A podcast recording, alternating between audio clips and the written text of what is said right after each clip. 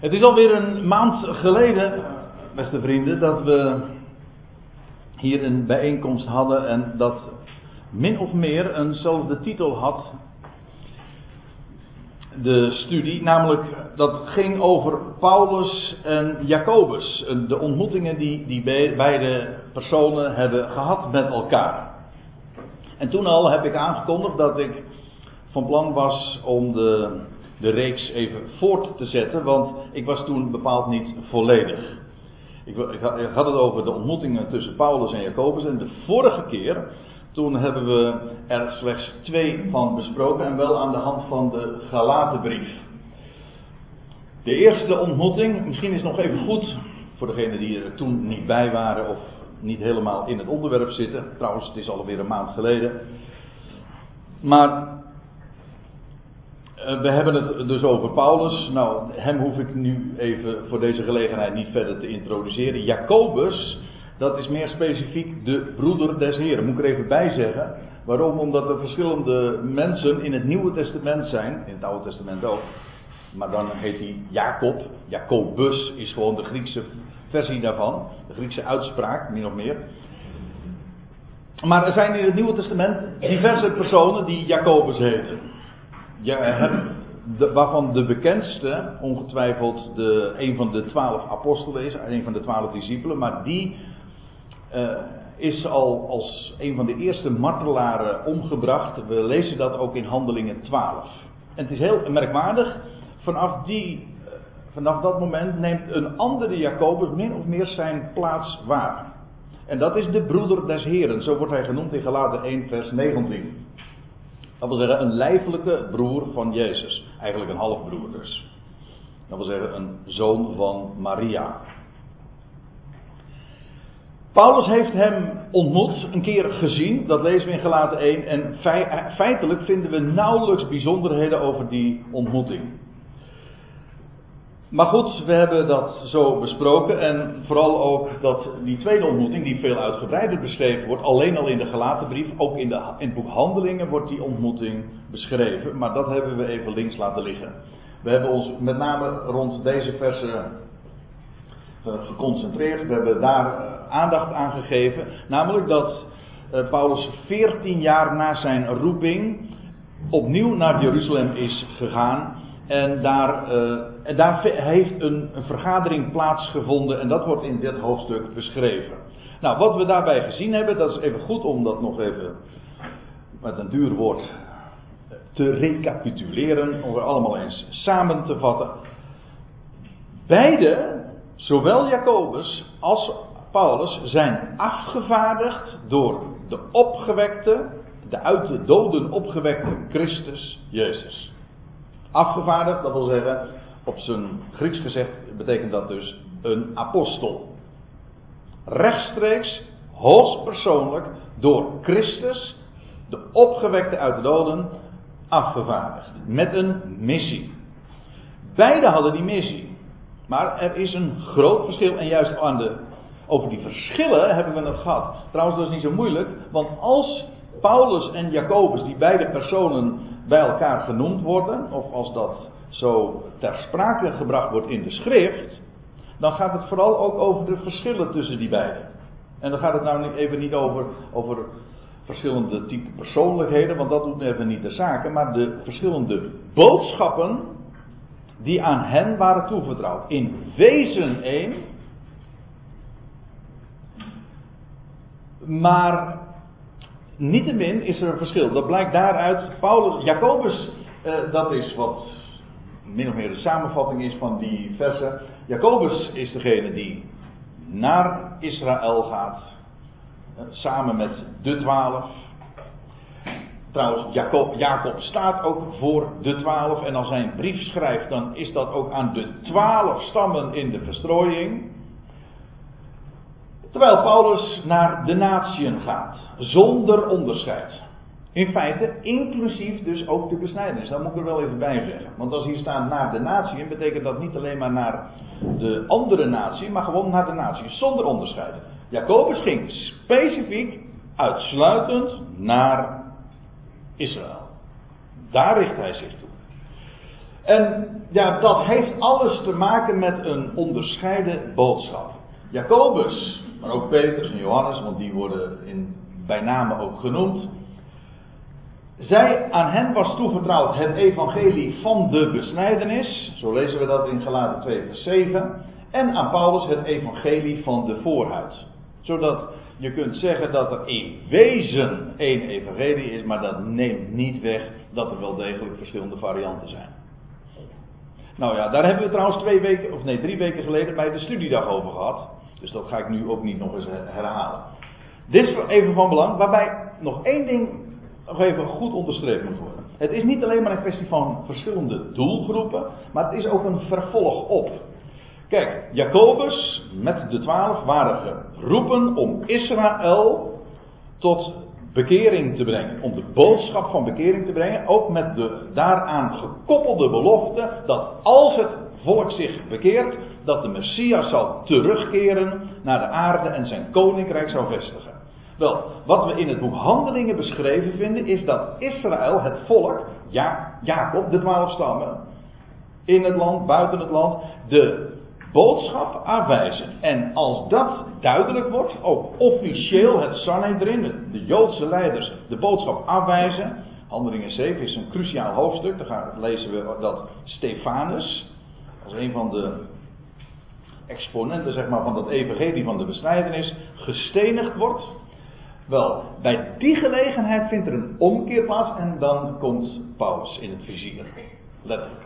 Saulus eerst nog, maar vervolgens Paulus. En hij gaat naar, wordt gezonden naar de natieën. Waarom? Niet als een uitbreiding, maar ook als een contrast. Dat wil zeggen, de boodschap werd afgewezen door Israël, maar gaat nu vervolgens, juist vanwege die aanwijzing, naar de natieën. Zie daar het evangelie van de vooruit. Waarin het verschil van, van besnijdenis en niet besneden zijn totaal geen, niet meer te zaken doet. Nou, daarover hebben we het gehad de vorige keer.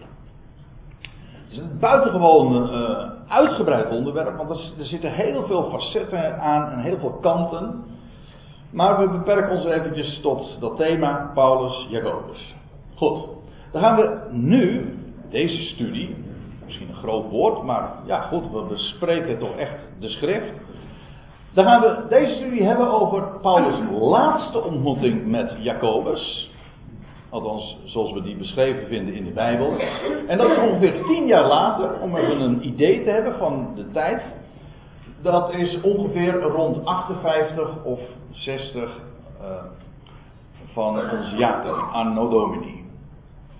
Dus zeg maar ruim tien jaar voor de verwoesting van Jeruzalem en dat de tempel helemaal in vlammen opging.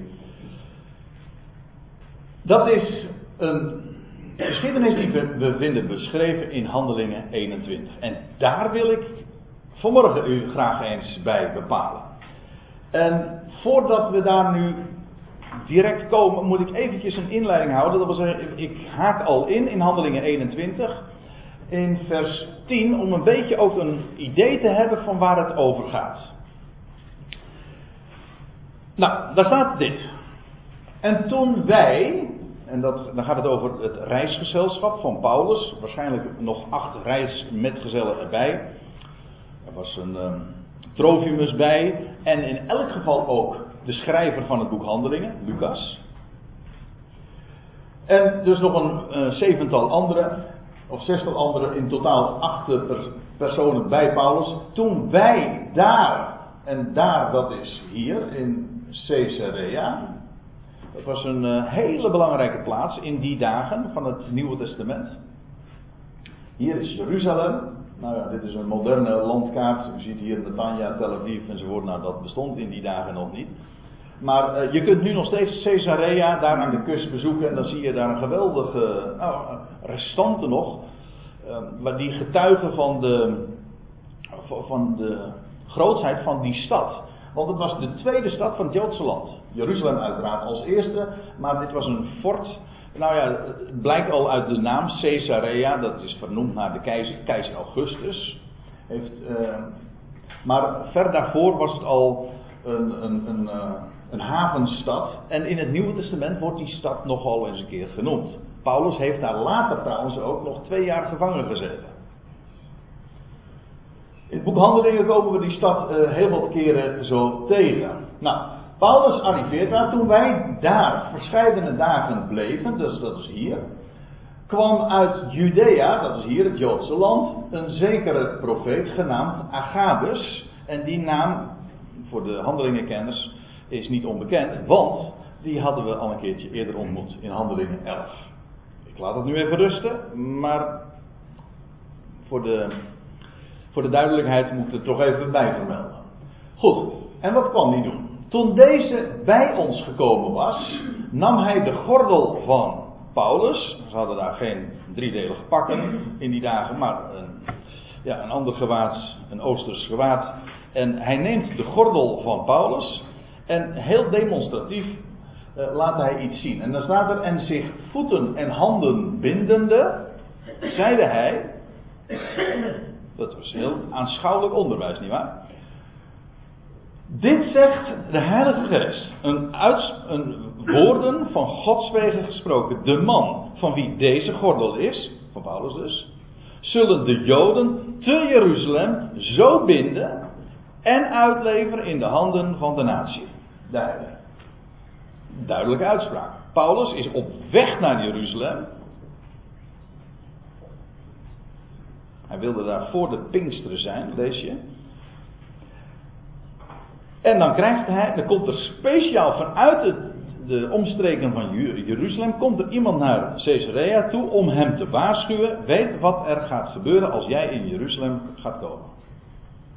Je gaat gebonden worden, zo. Met handen gebonden, voeten gebonden. En zo zal jij door de Joden, je eigen volksgenoten, hier, daar in Jeruzalem, overgeleverd worden aan de natie. Nou, is dat niet de eerste waarschuwing hoor, want Paulus wist dat al lang.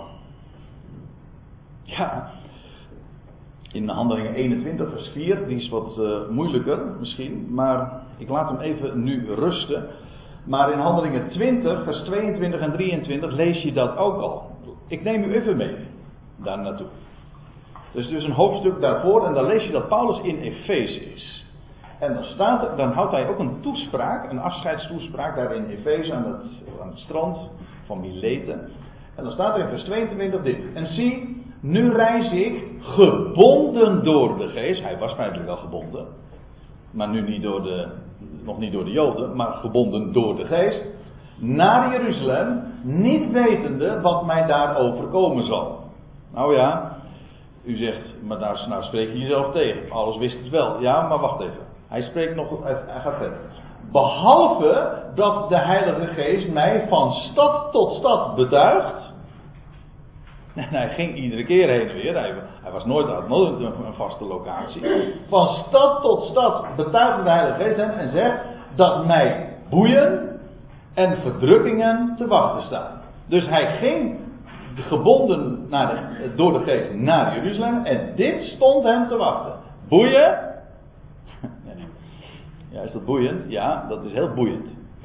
Boeien en verdrukkingen. Dat stond hem te wachten daar in Jeruzalem. Dat wist hij al. En het was maar niet bij één gelegenheid. Maar van stad tot stad was hem dat al betuigd. Maar Paulus is erg. Uh, nou, laconiek weet ik niet of ik dat het juiste woord is. Maar wel in elk geval vastberaden. Maar wat dan zegt hij in vers 24. Ik wil er even bij betrekken. Want ik vind het wel schitterende toelichting. Dat Paulus dan al daar aan het strand zegt, terwijl hij afscheid neemt, hij zegt, maar ik tel mijn leven niet. Ik acht het niet kostbaar voor mezelf. Als ik slechts mijn loopbaan, kijk, dat is Paulus, Paulus carrièreplanning. Als ik slechts mijn loopbaan mag ten einde brengen en de bediening die ik van de Heer, de Curios, Jezus ontvangen heb, om het evangelie van de genade Gods te betuigen andere term dan wat we zojuist zagen, het evangelie van de voorhuid, waarin de besnijdenis geen rol speelt. Het is ook het evangelie van de genade van God. Evangelie van de boodschap waarbij God genade, dat wil zeggen om niet, 100%, want anders is het niet met om niet, hè, Gods genade betuigd wordt. En dat heeft hij ook van stad tot stad overal gedaan. Die boodschap, een goed bericht, want dat is wat evangelie betekent. En waar spreekt het van? Van Gods genade. De snijdenis speelt daarin geen rol. Israël had daar geen aparte plaats meer in. Daarom lag het ook zo gevoelig daar, zodra die in het Joodse land kwam. En dat gaat tot een ontknoping komen in Handelingen 21 en het vervolg. Want dan gaat een gigantische rel uitbreken. Paulus was zich daar niet goed van bewust wat er allemaal boven zijn hoofd hing. Niet weten wat mij daarover komen zal. Maar hij wist wel wat er. Wat, hij wist dit in elk geval wel. Het zou boeien zijn. En dat is wat Agabus dus later bevestigt. En vervolgens verdrukkingen. En hij heeft het geweten. Ja, letterlijk en figuurlijk. Hij heeft het geweten. Goed, we gaan weer even terug naar handeling 21. Toen wij dit hoorden, dat wil zeggen wij, dat is dat reisgezelschap van Paulus. En dit, dat is dat wat Agabus dus demonstratief liet zien met die gordel. Toen wij dit hoorden, uh, verzochten wij, uh, verzochten zowel wij als de broeders daar ter plaatse, dat wil zeggen daar in Caesarea, niet op te gaan naar Jeruzalem. Oei. Kijk, de waarschuwing was duidelijk. Dit stond Paulus te wachten. Dat was door de Heilige Geest, werd dat hem betuigd. De conclusie die Agabus heeft getrokken, trouwens en nog andere ook, eh, want je leest dat hij daar in het huis van Filippus verbleef, bij vier en nog vier ongetrouwde dames waren daar ook nog bij, de dochters van Filippus, die de suggestie is in dat gedeelte die ook nog hetzelfde hebben gezegd. Dus Paulus had te maken echt met. Hij stond echt als eenling daar in dat gezelschap. Want zowel zijn reisgenoten, Lucas in kluis kennelijk, want er staat hier wij. Dus de, de reisgenoten van Lucas. En de broeders daar ter plaatse. Allemaal zeggen ze: ga niet op naar Jeruzalem. Doe dat niet. En het is altijd wijs om naar raad van anderen te luisteren. Maar uh, er zijn uitzonderingen. En dat zie je hier ook. Toen antwoordde Paulus: Wat wilt gij? Wat doen jullie? Dat gij weet. In de Statenvertaling, of in de Concordant Version staat uh, het woord klagen. Ja, eigenlijk is het uh, luid huilen. Niet zachtjes huilen, maar janken, zeg maar. Wat zitten jullie nou te janken? En maken jullie mijn hart uh, onrustig. En mijn hart week maakt. Kun je je voorstellen? Je, je medestanders. Paulus was zo vastbesloten. Daar moet ik wezen. Niet omdat hij niet wist wat hem daar in Jeruzalem te wachten stond. Dat wist hij wel. Maar hij wist, ik moet daar zijn. en hij wordt voortdurend bevestigd van stad tot stad. En nu hier in Caesarea ook nog heel demonstratief van die profeet die notabene helemaal de reis onderneemt om naar Paulus te gaan om die een boodschap achter te laten. En Paulus is vastberaden. Hij zegt, ik ga daar. Hij zegt, maak mijn hart nou niet week en ga nou niet janken. Want jullie hebben wel gelijk, dat wil zeggen, dat staat me te wachten. En menselijkerwijs gesproken hebben jullie alle gelijk van de wereld dat ik daar niet naartoe moet gaan. En het is uitgesproken stupide zelfs om daar naartoe te gaan. Want hij wist dat hij zijn, in feite zijn doodsvonnis daar tekende. Feitelijk komt het daarop neer. Het heeft nog jaren geduurd, maar in ieder geval daar werd hij gevangen genomen. Nou, en dat heeft uiteindelijk geleid tot zijn doodsvonnis. Maar wat doen jullie nou? Wat maken jullie, wat zitten jullie te janken? Wat maken jullie in mijn hart week? Want ik, ik voor mij, en zo goed met jullie is weet ik niet, maar ik voor mij ben bereid. Niet alleen gebonden te worden, wat Agabus dus zei, maar ook te sterven te Jeruzalem. Dat zou niet gebeuren. Maar Paulus was bereid te sterven te Jeruzalem voor de naam van de Heer, de Curios Jezus. Dat was een man die wist waar hij mee bezig was. Hij had een missie en hij had een bediening ontvangen en hij was vastberaden en niets en niemand, hoe wijs het ook allemaal was, in menselijk opzicht, dat wat hem gezegd werd, hij wist, daar moet ik naartoe gaan. Nou, en dan lees je, en toen hij niet te overreden was, hielden wij ons stil en zeiden, de wil des Heren geschieden. Dat wil zeggen, als God het wil, dan zal alles duidelijk worden. Inshallah. Zeggen ze dan in uh, Arabië. Of Deo volente, ja, dat is de Latijnse versie dan. De wil des Heren geschieden. En ze houden stil en dat was nog het meest wijze wat ze deden in dit geval. En na die dagen maakten wij ons reisvaardig. Staat letterlijk in de concurrent version zie je dat ook. Pakten we onze bagage. Maar goed, dat is je reisvaardig maken. Uh, na die dagen maakten we onze reisvaardig en gingen op naar Jeruzalem. Dat is met recht opgaan. Dat wil zeggen hoger opgaan. En dan staat in vers 16. En met ons gingen ook enige van de discipelen uit Caesarea. Dus het reisgezelschap werd nog weer groter. Want mensen uit, discipelen uit Caesarea, die gingen mee. En die ons brachten bij een zekere Menason van Cyprus. Menason betekent herinnering. Een Menason van Cyprus, en dat was een van de eerste discipelen die van de, de aanvang een discipel was en wiens gasten wij zouden zijn. Uh, kennelijk daar in Jeruzalem dus. En vers 17. En toen wij te Jeruzalem kwamen, heten de broeders ons van harte welkom. Niet alleen ze heten ons welkom, maar van harte. Dat wil zeggen, met, eigenlijk staat er een woord, uh, met genoegen. Nou, dat is wel wat dubbel. Vooral als je het vervolg kent, dan zit daar toch wel een zwart randje omheen. Want laten we even verder lezen. En de volgende dag ging Paulus met ons Jacobus bezoek aan. Nou zijn we eigenlijk bij ons onderwerp gekomen. Het heeft wat lang geduurd voordat we daar arriveerden, recht bij Jacobus. Maar nu zijn we er dan toch.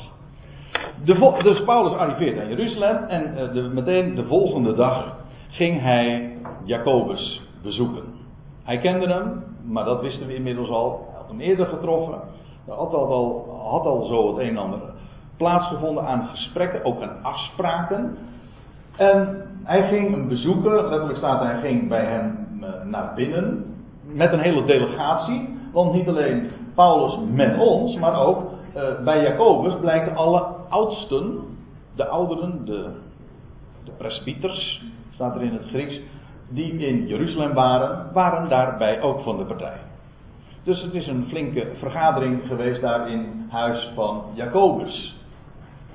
En dan staat er in vers 19, en toen hij, uh, dat is Paulus, hen begroet had, die andere delegatie daar in Jeruzalem, en Jacobus, verhaalde hij in bijzonderheden. Eén voor één zet hij die allemaal uiteen.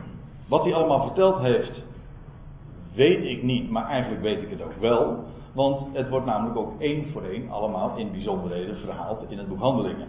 Degene die hier namelijk wel bij was, die heeft het boek Handelingen opgetekend. Lucas. Dus ondanks het feit dat we geen verslag hebben van wat Paulus allemaal verteld heeft, weten we, kunnen we toch ongeveer wel nagaan wat Paulus daar verteld moet hebben. Dus één voor één wordt dat allemaal uiteengezet. En dan, wat zet hij uiteen? Wat God onder de heidenen door zijn dienst had verricht. Er staat eigenlijk nog mooier. Er staat wat de God. Ik, vind dat, ik blijf het mooi vinden. De God. Wij kennen dat bepaalde lidwoord voor God niet. Dat, zo zeggen we dat in het Nederlands niet. We kunnen dat wel zeggen, maar dan krijgt het een speciaal accent. En dat krijgt het in het Grieks ook. maar, je kan zeggen God, maar ook de God de plaatser. Paulus spreekt maar niet God, maar de God. En dat is wat hij hier vertaalt, in bijzonderheden allemaal vertelt. Wat de God, en dan staat het trouwens niet in de verleden tijd, maar in een tijdloze werkwoordsvorm. Wat God onder de natieën door zijn dienst, te midden van de natieën, verricht, doet. Dat is wat Paulus vertelt. Het werk dat God doet waarin hij betrokken mocht zijn, maar het ging om wat de God verricht te midden van de natieën. Ja, dat was de bediening die hij van Gods wegen had ontvangen. Vandaar ook dat wij uit de natieën op hem georiënteerd zijn. Hij is de leermeester van de natie. Goed, Paulus neemt dus daar het woord en heeft het uitgebreid allemaal verteld. Nou komen we op een wending in het verhaal. Want dan staat er in vers 20. En zij loofde God. Wat Paulus daar allemaal heeft uh, gemeld. Dat, ja, dat is geweldig. En dat is voor hen ook een aanleiding om God daar, daarin te prijzen. Dat doen ze dan ook. En ze loofden God toen zij dit hoorden. En ze zeiden tot hem: Gij ziet, broeder, hoeveel duizenden er onder de Joden gelovig zijn geworden. Nou, er staan in hier duizenden, maar in het Grieks staat er het woordje myriaden. En myriaden, dat woord komt in het Nieuwe Testament nog eens een keer vaker voor. Met name in het boek Openbaring, en dan wordt het altijd vertaald met tienduizenden. Je hebt ook een woordje voor duizend, kennen we allemaal wel Gilio, Gilia. Dat heeft te maken met, dat is Giliasme, hè? duizend. Maar hier staat niet dat woord, hier staat het woordje myriaden en dat zijn tienduizenden. Sta er even bij stil. Over een wat voor een gigantisch getal hier genoemd wordt van Joden daar in Jeruzalem en omstreken die gelovig waren geworden. Dat wil zeggen, geloofden in de Messias, Messias Yeshua HaMashiach. Het waren Hebreeën, dus zo zeiden ze het ongeveer. Dat Jezus is de Christus, de beloofde gezalfde. Zij geloofden, maar uh, nou goed, Paulus uh, wordt uh, daardoor, uh, daarmee geconfronteerd. Hij zegt: tienduizenden gelovig in de Messias. Maar nou komt het. En allen zijn zij ijveraars voor de wet. Of ijveraars, celoten. Dat woord celoot komt in het Nieuwe Testament ook wel eens voor. en wordt het onvertaald gelaten. En dan is het een partij die met name ja, een soort van een Romeinse, of eigenlijk een, uh, zijn guerrilla-strijders. Eh, de heer Jezus had ook een van zo'n zo'n guerrilla-strijder in zijn apostel, in zijn discipelenkring. Judas de Celoot. Nou, dat woord, maar betekent eigenlijk een ijveraar, een fanaat. Allen zijn zij ijveraars van de wet. Van Mozes namelijk inherent. Dat wil zeggen, ze waren. Uh, dat hoorde bij hun identiteit. Het, het gelovig zijn, het gelovig Jood zijn, dat behoorde bij hen. Uh, met, of dat was eigen ook. En was, was verbonden met het feit dat zij ook ijveraars der wet waren. Het een hoorde bij het ander. Allen zijn zij ijveraars der wet. Al die tienduizenden Joden. Moet je nagaan dat Paulus hier voor hem echt in het hol van de leeuw komt. Ik zal uitleggen ook waarom. Paulus onder de natieën die een boodschap van genade en van vrijheid predikt. En nu komt hij in een gezelschap, in een land waar allemaal Joden zijn. En Paulus kende dat van, van huis uit zo goed, want hij was zelf altijd zo'n enorme ijveraar der wet geweest. Nou, maar wat je zou kunnen vragen, wat is nou het probleem? Wat is het probleem? En dan gaan we eens lezen. Vanaf 21 wordt dat beschreven. Nu heeft men hun van u verteld. Wacht ervoor. Oei. Ik ben nu iets vergeten. Vermeld of er is een dia uitge, uit de serie vandaan geslopen. Ik weet niet hoe dat kan. Maar ik wilde iets, iets nog, namelijk nog bijzeggen. Dat over het woordje verteld.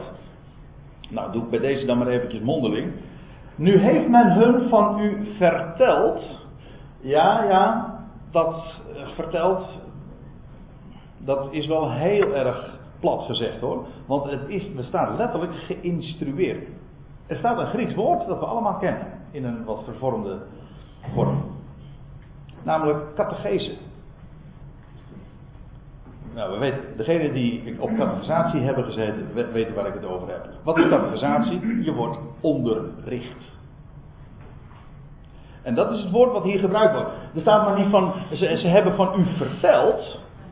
Dat is, hè?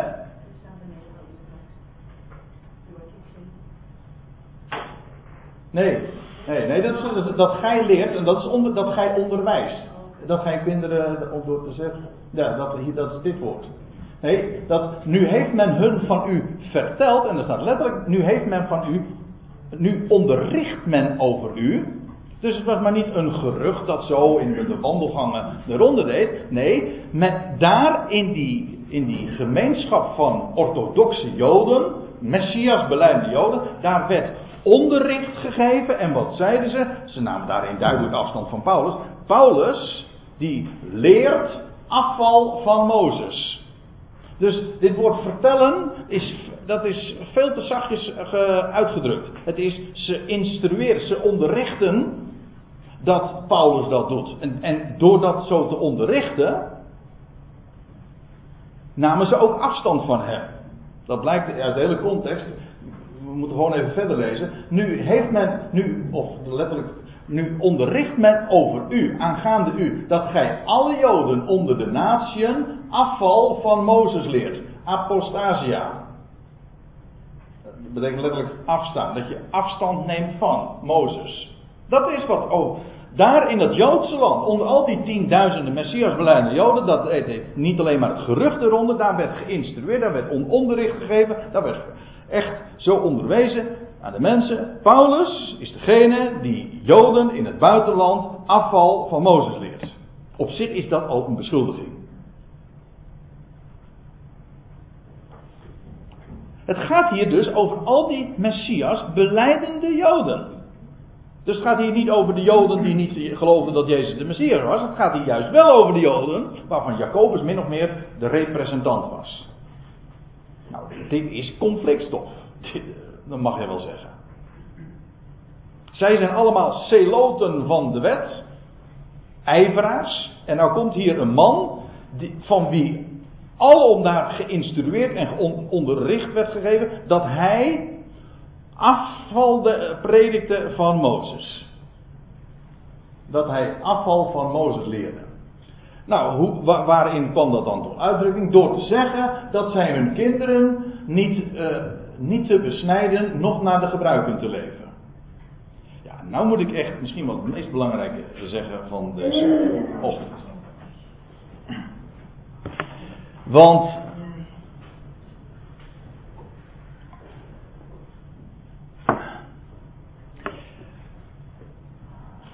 Als u trouwens een statenvertaling hebt, ook een herziende statenvertaling, een andere vertaling heb ik niet uh, geraadpleegd, dat staat trouwens correct. Maar dit woordje behoeven moet je niet alleen maar doorstrepen, maar moet je heel ver doorstrepen. Waarom? Omdat het de zin compleet verandert. Dus, uh, de beschuldiging is aan het adres van Paulus dat hij de Joden in het buitenland predikt dat zij hun kinderen niet zouden laten besnijden en niet naar de Joodse gebruiken zouden leven. Dat is de, de beschuldiging. Door het woordje behoeven er daartussen te voegen, ze, zou dat vrijblijvend zijn. Dit is namelijk geen beschuldiging, dit is precies wat Paulus leerde.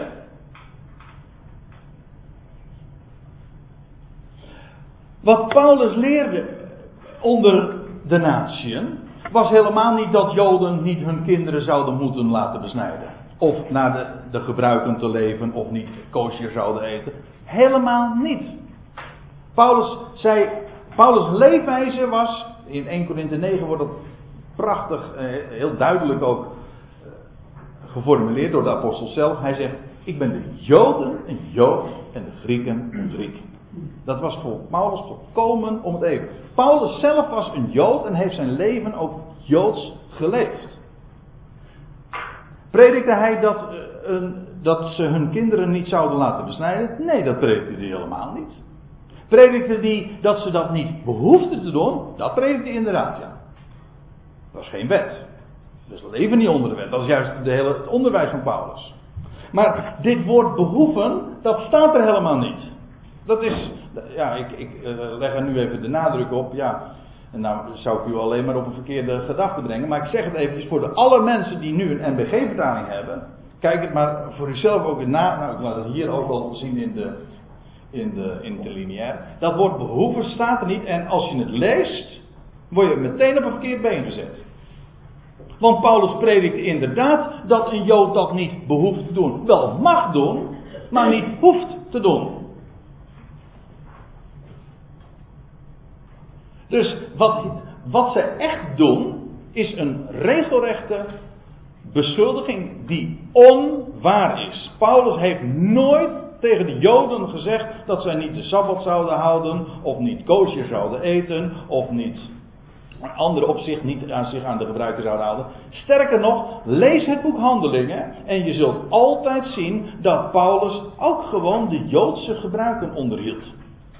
En, en in dit hoofdstuk wordt het ook heel duidelijk gedemonstreerd ook. Paulus ging naar Jeruzalem, hij wilde daar voor het Pinksterfeest ook zijn. Hij was een Jood. Hij leefde ook Joods. Maar dit was dus de beschuldiging dat hij zou vertellen dat de Joden niet Joods mochten of zouden leven. Door hun kinderen niet te laten besnijden, nog naar de gebruiken te wandelen. Nou, nog steeds is hier Jacobus aan het woord. En Paulus, of Jacobus die zegt tegen Paulus dit. Wat is dan het geval? Zij zullen stellig, ongetwijfeld, horen dat gij aangekomen zijt. Dat, zal, dat je niet geheim houden, Paulus. Er wordt, er wordt verteld hier in het Joodse land wie jij bent en dat jij een afvallige van Mozes bent. In je eigen, onder je eigen gelovige volksgenoten, notabene. Die grote gemeenschap. Nou, ze zullen stellig horen dat gij daar aangekomen bent. En dan zegt Paulus dit. Uh, pardon, Jacobus die zegt dit tegen Paulus. En het merkwaardige is, Paulus doet alleen maar. Hier, ja, Paulus heeft heel veel te melden, maar hier zwijgt hij veelzeggend. Dat kan, hè? Je kunt heel veelzeggend zwijgen. Nou, dat doet Paulus hier. Paulus hoort aan.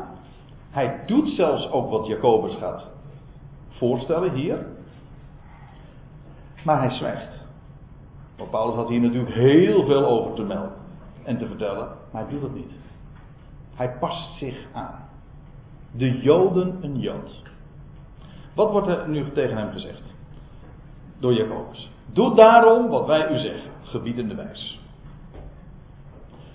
Er zijn vier mannen bij ons die een gelofte op zich genomen hebben. Als je zoiets al leest, dan kom je meteen alweer in de hele Joodse gebruiken terecht. En dat is, ja, dat is juist hier ook eh, de, de point. En dan zegt Jacobus: neem hen mee, heilig u met hen, of uh, word geheiligd. Dat zegt passief. Het staat niet heiligen, heilig je, maar word geheiligd. E-, even tussendoor. Heeft even niks te maken met verder onderwerp, maar hou hem even in gedachten. Als dat zo dikwijls in de Bijbel gezegd wordt, heilig u, dan staat het er niet zo, maar dan staat het in de passieve vorm. Word geheiligd. Of wees, of pardon, je zult heilig zijn. Dat is een belofte. Enfin, hier uh, stel je apart met hen, heilig je, of nee, uh, word geheiligd. En draag de kosten voor hen opdat zij hun hoofd kunnen laten scheren. Ja, nou, als je dit leest, dan begrijp je dat zo als iemand uit de natie, een heiden, begrijp je niet. Nee, daar moet je een jood voor zijn om dat te begrijpen. Of je moet even eh, ingelicht worden over wat is hier nou eigenlijk aan de orde. Nou, dat is, eh, dat is niet zo moeilijk, want dan ga je naar nummer 6 toe. En daar worden die gebruiken beschreven. En daar lees je de wet op de nazireërschap. En dan kon iemand zich uh, voor een speciale gelegenheid aan God wijden. En dan deed hij een gelofte en dan dronk hij geen wijn of sterke drank. Hij, had zelfs, hij mocht zelfs niet van de wijnstok eten, geen druiven, ook geen krenten, helemaal niks. Niets van de wijnstok mocht hij eten. Maar hij mocht ook geen doden, niet in aanraking met een dode komen. Dat vind je allemaal beschreven in nummer 6. Aan het einde van die gelofte, als die periode voorbij was, dan zou het hoofdhaar geschoren worden. Gedurende die hele tijd mocht namelijk het hoofdhaar niet geschoren worden of geknipt. Nou, hier, over dat gebruik gaat het hier. En nou wordt tegen Paulus dit gezegd. Nou, er zijn hier vier mannen die hebben een gelofte, die zijn Syrië. En we zijn nu aan het einde van die periode. En draag jij nou de kosten voor het afsluiten van die periode? Er moesten offers gebracht worden. Ja, er wordt hier gezegd, draag de kosten voor hen, dat, zodat ze hun hoofd kunnen laten scheren. Zeggen, was dat zo'n dure kapper dan? Ja. En trouwens, je hoofd, daar, heb je, hoef je geen professional voor te zijn om je hoofd te laten kaalscheren. Dat kan ik zelfs. Zonder kapperkussens. Hè? Hè? Sorry?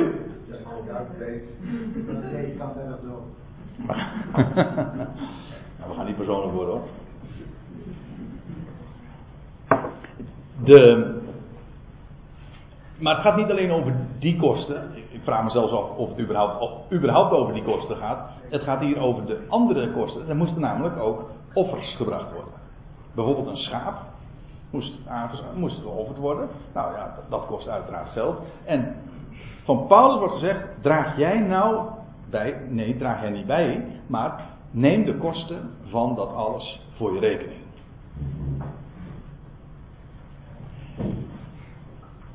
Moet je even over doordenken, moet je echt bij stilstaan. Want je kunt natuurlijk zeggen van nou hier gaat het over een Joods gebruik. Als Paulus nou inderdaad meegaat in dit Joodse gebruik, dan zou hij voor iedereen daarmee demonstreren. Uh, zie je wel, ik ben ook Joods, ik ga helemaal mee in de gebruiken.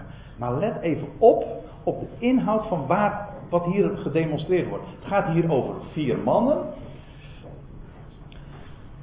Joodse mannen die onder een gelofte stonden en hun periode afsluiten.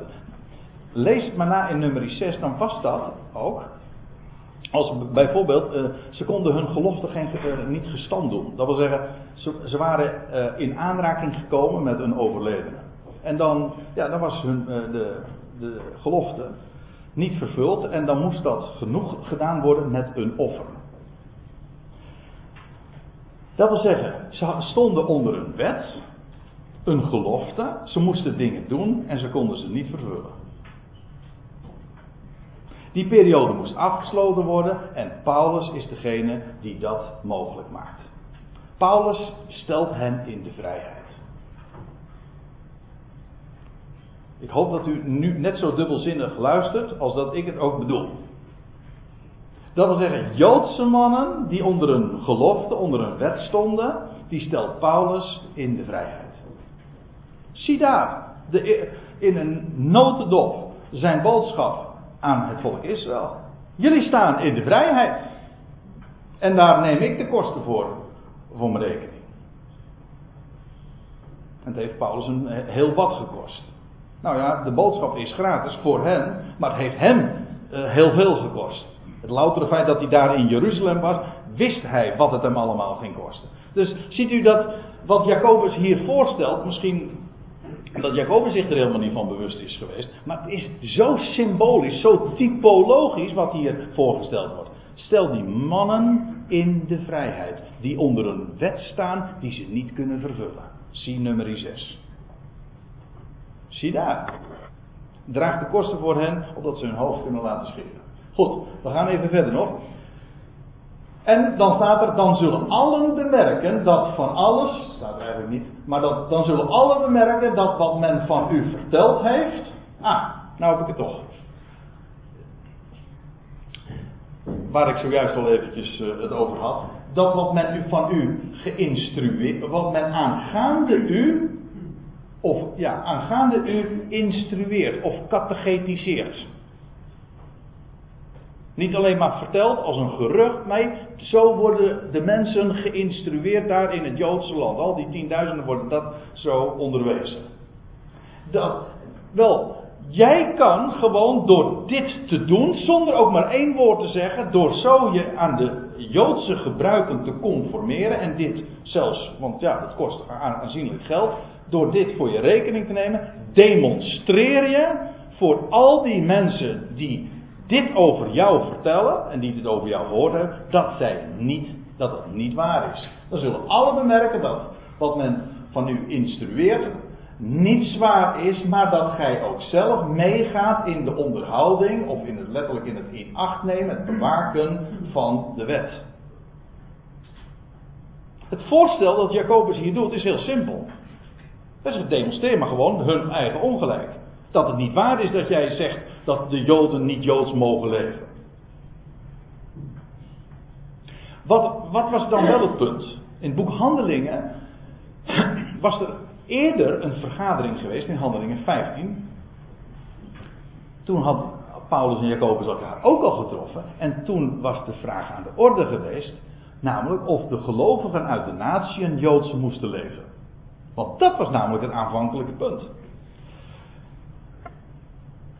Toen waren, toen Paulus was, had onder de, de natie het evangelie gepredikt. En de Joden die hadden dat gehoord. Zeg van ja hallo, zij zijn nu geloven. Zij geloven dat Jezus de Messias is. Moeten zij dan ook niet Joods leven? Moeten zij ook niet de Sabbat houden? Moeten zij ook niet hun kinderen besnijden? Etcetera. Dat is wat, wat er... Uh, wat er speelde in Handelingen 15. En dan wordt er heel duidelijk afgesproken: nee, de natieën zijn volstrekt vrij. Zij, alleen hebben zij zich te wachten. Nou, en nou komt het, dat is wat Paulus, uh, of Jacobus tegen Paulus zegt. Demonstreer nou dat jij zelf ook meegaat in de onderhouding van de wet. Maar in zaken de natieën die tot geloof gekomen zijn, of letterlijk die gelovig geworden zijn, hebben wij als ons oordeel geschreven. Hebben wij, ze hebben namelijk een brief geschreven. En daarin hebben ze dit oordeel geformuleerd. Dat zij zich hebben te wachten voor wat de afgoden geofferd is. Degenen die afgelopen donderdag in Bodegraven waren, hebben daar eh, een hele Bijbelstudie over gehoord. 1 Korinthe 8. Dit, zo staat het trouwens niet letterlijk. Het staat, hebben zich te wachten voor het afgodsoffer. Niet wat aan de afgoden geofferd is, alsof ze geen vlees mochten eten dat aan de afgoden geofferd was. Nee, ze moesten zich wachten voor het afgodsoffer, dat wil zeggen voor afgoderij. Het offeren aan afgoden.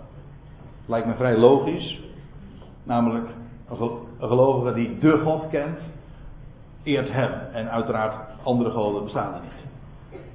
Dus dit is logisch. Het is nooit anders geweest. Een God, iemand die God kent, erkent dus geen afgoden. En een afgodsoffer komt dus niet in jouw systeem voor, zeg maar. Dat was namelijk afgesproken. In handelingen 15 vinden wordt het uitgebreid beschreven. Ze zich hebben te wachten voor, de, voor het afgodsoffer, voor bloed en voor het verstikte. Ja, dat is een onderwerp apart hoor. Want ja, dit is niet zo'n fris plaatje, dat geef ik direct toe. Maar in de, in de heidense cultussen speelde dat een grote rol. In de afgoderij, het drinken van bloed, want dat zou heel vitaal zijn. En nog veel meer trouwens. Waarom men dat doet. Terwijl bloed nu juist in de Bijbel heilig is en niet bestemd voor menselijke consumptie. Dat is nooit anders geweest men heeft wel eens gezegd van ja, wat hier staat, dat is eigenlijk nog een beetje een, uh, een klein restant van de Joodse wetgeving. Maar dat is absoluut niet waar. Alsof de heidenen toch nog wel een beetje zich zouden moeten onderwerpen aan de Mosaïsche wet. Het is namelijk nooit anders geweest. Je moet zich realiseren dat de mensheid vanaf Adam tot Noach vegetarisch at. Geen vleesproduct. Pas in de dagen van na de zonvloed, in de dagen van Noach, wordt ook het vlees gegeven, maar met de duidelijke restrictie: bloed is heilig. Dus bestemd voor het altaar, doet verzoening. Bovendien, de ziel is in het bloed. Bloed is niet bedoeld voor menselijke consumptie. Het is nooit anders geweest. Dat is dus geen Joodse bepaling. Dat is vanaf het begin van de mensheid heeft de mensheid nooit bloed gegeten. En vandaar dus dit verstikte. Dat zijn dieren waar het bloed niet is weggelopen. En zij, dus de natieën hebben deze dingen zich voor te wachten, namelijk voor, voor de afgodenoffers, voor bloed en het verstikte, dat is één eigenlijk, en voor hoererij. Porneia. Porneia dat is geslachtsgemeenschap met een ander dan de eigen man of vrouw. Voor die dingen zouden ze zich wachten. Nou, en dan lees je de wat Paulus dan vervolgens doet. Toen nam Paulus die mannen mee. Hij heiligde zich de volgende dag met hen, die vier mannen dus. Ging in de tempel, deed aangifte, dat wil zeggen, aan publiek was duidelijk wat er aan de hand was. En hij ging in de, uh, tempel deed aangifte dat de dagen van de heiliging zouden duren totdat voor ieder van hun het offer gebracht was. Dat zou zeven dagen later zijn. Ja, we zijn nou midden in de geschiedenis, maar ik moet zeggen, dit wordt vervolgd. Wederom, want dit is een tweede, de tweede studie. Maar ik, ik moet verder gaan, want, want nu gaat er een enorme rel uitbreken. Dat, het verhaal wordt vanaf vers 26, vanaf vers 27, echt bijzonder spannend. Dat zou je een soort van cliffhanger kunnen noemen. zeg van, de volgende keer moet je volgen. Dat is echt waar. Dit is, dan wordt het buitengewoon spannend, want dit gaat gigantisch escaleren. Jacobus houdt het netjes, zegt dit tegen Paulus. Paulus moet gaan bewijzen dat hij ook Joods leefde, dat is waar. Maar de reputatie van Paulus was al zo ver aangetast. En dat zou nu bewezen gaan worden. Als hier staat, wordt vervolgd, is vrij dubbelzinnig. Want niet alleen de serie wordt vervolgd en de geschiedenis gaat verder, maar Paulus wordt vervolgd. En verdrukt en geboeid. En uiteindelijk afgevoerd en naar de natie en onder, naar Rome gebracht. Dit clasht enorm. En dit is feitelijk wat hier in het boek Handelingen beschreven wordt, is hoe de boodschap aanvankelijk naar Israël gaat. Israël wijst het af. En Paulus is nu in Jeruzalem en nu gaat het ultieme bewijs geleverd worden. Namelijk dat Israël, ook de gelovige Joden, zo afwijzend stonden tegenover Paulus' boodschap van genade alleen. Ze moesten daar niets van hebben. En al die tienduizenden Joden nemen het niet voor Paulus op. Dat is, heel, dat buitengewoon opmerkelijk in, in, deze, in deze hoofdstuk. Niets lees je over hem. Zo gevoelig lag het. En, en als ik nou even mag afsluiten, nog steeds is het niet anders. Want we praten nu vanmorgen over een heel Joodse setting. Paulus die daar in Jeruzalem arriveert. Ja, ja. Maar vertel vandaag maar eens het evangelie. Ik bedoel het evangelie om niet van de genade Gods. En zodra je in een godsdienstige setting bent, dat geldt dus net zo goed voor een christelijk godsdienstige setting, dan is afwijzing je deel. Waarom? Omdat men niet aan genade wil. Een boodschap om niet. Ja, men spreekt de woorden wel uit. Ik hoorde ik zag gisteren nog, er zitten hier een paar mensen in de zaal die weten waar ik het over heb. Ik hoorde gisteren een boodschap en ik vond het zo prachtig. Dat Jezus Christus is onze redder voor 99,99999%. Maar de finishing touch is aan de mens. Bij Jezus Christus is onze redder. Als je, als je het zo predikt, als je dit aan een christen vraagt, gewoon door zijn christen zeggen, ja dat is waar, Jezus Christus is onze redder. Is hij, voor hoeveel procent? 100% broeder? 100%. Oké. Dan is dus alles hangt van hem af. Alles hangt van hem af. Ja. Dus iedereen, is, dus iedereen wordt gered. Nee, want jij moet wel geloven. Wacht even. Als hij 100% de redder is, dan redt hij dus. En is niets van de mens afhankelijk. Op het moment dat een mens er een bijdrage aan moet leveren, dan is het dus niet helemaal. En dan kun je natuurlijk wel dat genade noemen. En om niet, het is niet om niet. Want er hangt een voorwaarde aan, een prijskaartje. Dat is de boodschap van genade. Vertel het maar. En want nu hebben we het over Paulus in Jeruzalem. En, en ze leedjen hem. Ze moeten daar niets van hebben. Vertel dit nou maar eens een keertje gewoon in een christelijk-orthodoxe setting, of welke godsdienstige setting ook. De redding is een feit. Hij is een redder. En of je het nou wil of niet, of je het gelooft of niet, hij is je redder. Dat is juist de boodschap. Geloof dat. En dan overkomt je hetzelfde. Die boodschap wijst stuit nog altijd op afwijzing. En, wat ik, en dan wil ik echt mee afsluiten. Het is de mooiste boodschap die er is. En als je het eenmaal kent, als je het geheim kent, dan maakt het ook helemaal niks meer uit wat mensen ervan zeggen. Ik vind het schitterend hoe Paulus dat hier ook demonstreert. Hij, gaat, hij ging met open ogen ging die naar Jeruzalem. Hij wist wat een enorme ellende dat zou teweeg brengen. En Paulus ging gewoon. Want waarom? Hij kende het geheim. Gods genade en dat overtreft alles. Zullen we daar willen